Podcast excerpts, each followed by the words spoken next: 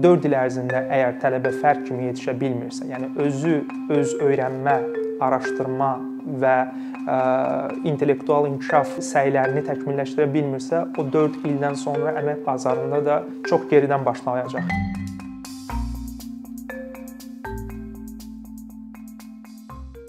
Ali təhsil sahəsində dəyişikliklərin baş verməsi, institusional belə deyək, islahatların keçirilməsi cəmiyyətin marağında olan əsas mövzulardan biridir və bununla əlaqədar mövzunun açıq formada, ictimai formada müzakirə edilməsi çox əhəmiylidir. Ali təhsillə bağlı Azərbaycanda qanunvericilik çərçivəsində müəyyən belə deyək də ciddi hədəflər qoyulub, məqsədlər qoyulub. Məncə bu məqsədlərin ən aydın izah olunduğu e, sənədlərdən biri Azərbaycan Respublikasında e, təhsilin inkişafı üzrə dövlət strategiyasıdır.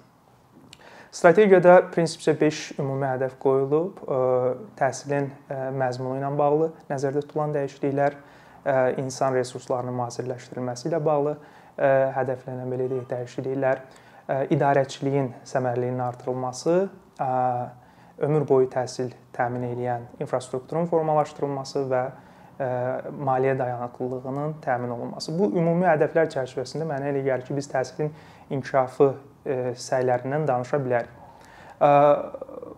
Bu istiqamətlərə mən qısa olaraq toxunmaq istəyirəm. Azərbaycan Turizm və Menecment Universitetinin ümumiləşdirilmiş təcrübəsi əsasında biz ali təhsil müəssisələri ilə əməkdaşlıq eləyirik, müxtəlif layihələrdə iştirak eləyirik və vəziyyətlə ümumi tanışlığımız var. Mən bu ümumiləşdirilmiş təcrübələri ictimaiyyətlə bölüşmək istərdim.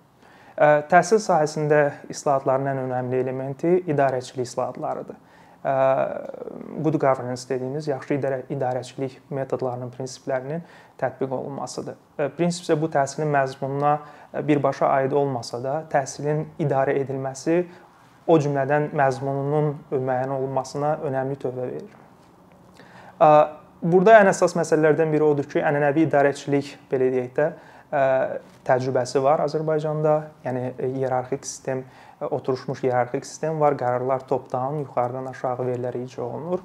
Düzü son illərdə universitetlərdə bu ənənədən uzaqlaşma meylləri var. Bu və ya digər tempdə bu baş verir. Lakin qərarların verilməsi prosesinin şəffaflığı və demokratikliyi, xüsusilə hesabatlığı mən vurğulamaq istəyirəm çox əhəmilidir. Çünki yekun nəticələrin biz müvəffəqiyyətini, uğurunu ancaq onun əsasında təmin edə bilərik. Qərarların hesabatlığı dedikdə nə nəzərdə tutulur? Universitetin hər bir idarəetmə struktur pilləsində, struktur vahidində qərarlar verilərkən cavabdeh şəxslərin olması və bu qərarların kollegial qaydada verilməsi çox əhəmilidir. Yəni ortaq fikir, common sense ingilislər demiş, əsasında verilmiş qərarlar sonda uğurlu nəticəyə daha çox gətirib çıxardır. Bu universitetlərdən ümumiyyətlə demokratik kollegial qurumların rolunu artırmağı tələb eləyir. Universitetlərin özünün fəaliyyətinə kənar nəzarət mexanizmlərinin gücləndirilməsini təmin tələb eləyir. İdarə heyəti məsələn bir model kimi mütləq universitet rəhbərliyinin mən elə gəlir qərarlarına nəzarət eləməlidir. Bu universitet üçün maraqlı tərəflərin belə deyək də birgə nümayəndələrindən təmsil olunmuş qurumlar olmalıdır. İdarəçilikdə önəmli məsələlərdən biri şəffaf, azad, sərbəst fikir mübadiləsinin aparılmasıdır. Yəni universitetlər akademik azadlığın bərqərar olmalı olduğu, yəni tam sərbəst şəkildə insanların müxtəlif belə deyək də mövzularda fikir mübadiləsi elədiyi və təhsilin inkişafına fikir intellektual səviyyədə töhfə verəcəyi bir mühit olmalıdır. Təbii ki, bu yenə də universitetlərin rəhbərliyindən asılıdır müəyyən dərəcədə. Universitetlərin muxtariyyəti məsələsi qeyd etdiyim dövlət strategiyasında qeyd olunub. Universitetlərin təhsilin keyfiyyətinə görə məsuliyyət daşıması üçün təhsil prosesi üzərində sərbəstlik çox əhəmilidir. Biz əgər təhsil bazarında rəqabətdən danışırıqsa, hər bir universitet öz təhsil belə deyək də məhsulunu, xidmətini dizayn eləmək, onun implementasiyasından məşğul olmaq belə deyək də imkanlarına, səlahiyyətlərinə malik olmalıdır. Bu sahədə bizdə keçid mənə yeriyər prosesinin ortasındayıq. Biz hələ də qanunvericilik çərçivəsində universitetlər tam muxtariyyət əldə etmə imkanına malik olmayıblar. və məsələn biz ə, tələbələrin qəbulu prosesindən, tələbələrin yekununda belə deyək də atestasiyasına qədər bunlar hamısı mərkəzləşdirilmiş qaydada müəyyən olunmuş qaydalar əsasında icra olunur.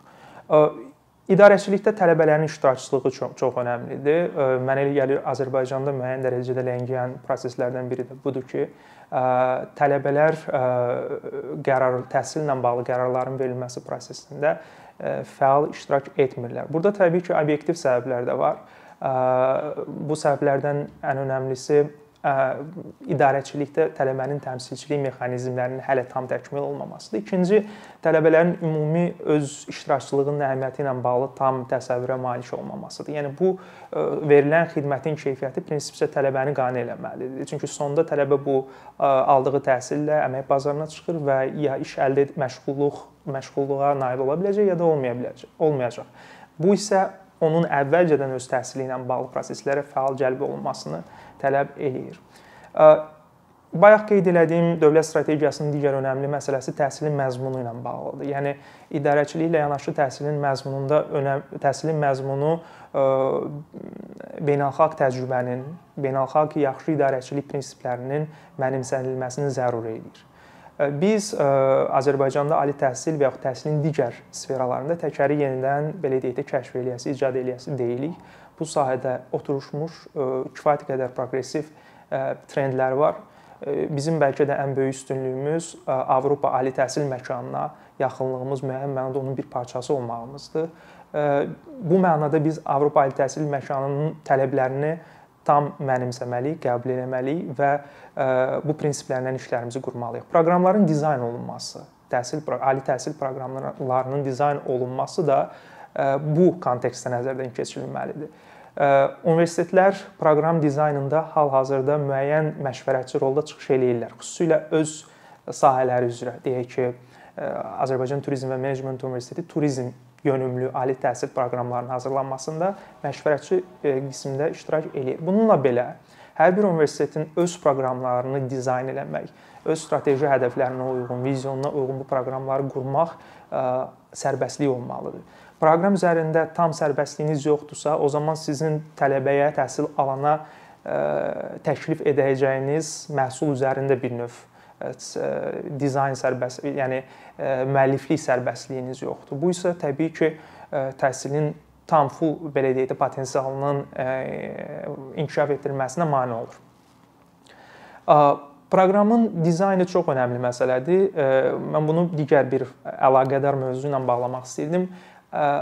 Prinsipcə Azərbaycan ali təhsil sferasında, establishmentində artıq müəyyən bir konsensus var ki, biz müəllim mərkəzli təhsil sistemindən tələbə mərkəzli təhsil sisteminə keçid eləməliyik. Bu isə bizdən proqramların məzmunu ilə bərabər tədris metodikasını, metodologiyalarını dəyişməyi, qiymətləndirmə metodologiyalarını yenidən baxmağı tələb edir. Bu proseslə bağlı ümumi konsensus olsa da, bütün universitetlər eyni tempdə bu istiqamətdə hərəkət etmirlər. Burada mərkəzləşdirilmiş qaydada təşviq mexanizmlərinin formalaşdırılması çox əhəmilidir. Tələbə mərkəzli e, təhsilin əsas e, belə deyək də qayəsi ondan ibarətdir ki, tələbə təhsil alınması prosesində həlledici, belə deyək, oyunçuya çevrilir. Tələbə özü təhsil prosesinin fəal iştirakçısına çevrilir. E, müəllim hansısa müəyyən belə deyək də biliklər toplusunu tələbəyə ötürmür. Tələbə ilə birlikdə tələbənin metodoloji səriştələrinin formalaşmasına tövbə verir. Bu sonda outcome based education deyək də, yəni nəticə əsaslı təhsil e, xüsusilə learning outcome-lar, yəni təlim nəticələrinə əsaslanan, səriştələrə əsaslanan təhsil sisteminin qurulması üçün çox vacibdir. 4 il ərzində əgər tələbə fərq kimi yetişə bilmirsə, yəni özü öz öyrənmə, araşdırma və ə, e, intellektual inkişaf belə deyək də səylərini təkmilləşdirə bilmirsə, o 4 ildən sonra əmək bazarında da çox geridən başlayacaq, yəni peşə belə deyək də fəaliyyətinə. Bu çox çətindir. Çünki ənənəvi təhsil sistemi Azərbaycanda müəyyən mənada çox dərin köklərə malikdir. Hələ də əksər universitetlərdə təbii ki, bu praktika geniş tətbiq olunur. Bu obyektiv təbii ki, problemdir. Bunu zamanla aradan qaldırmaq çox önəmlidir. Avropa ə, ali təhsil məkanında ə, keyfiyyət təminatı standartları və təlimatları deyilən bir sənəd var.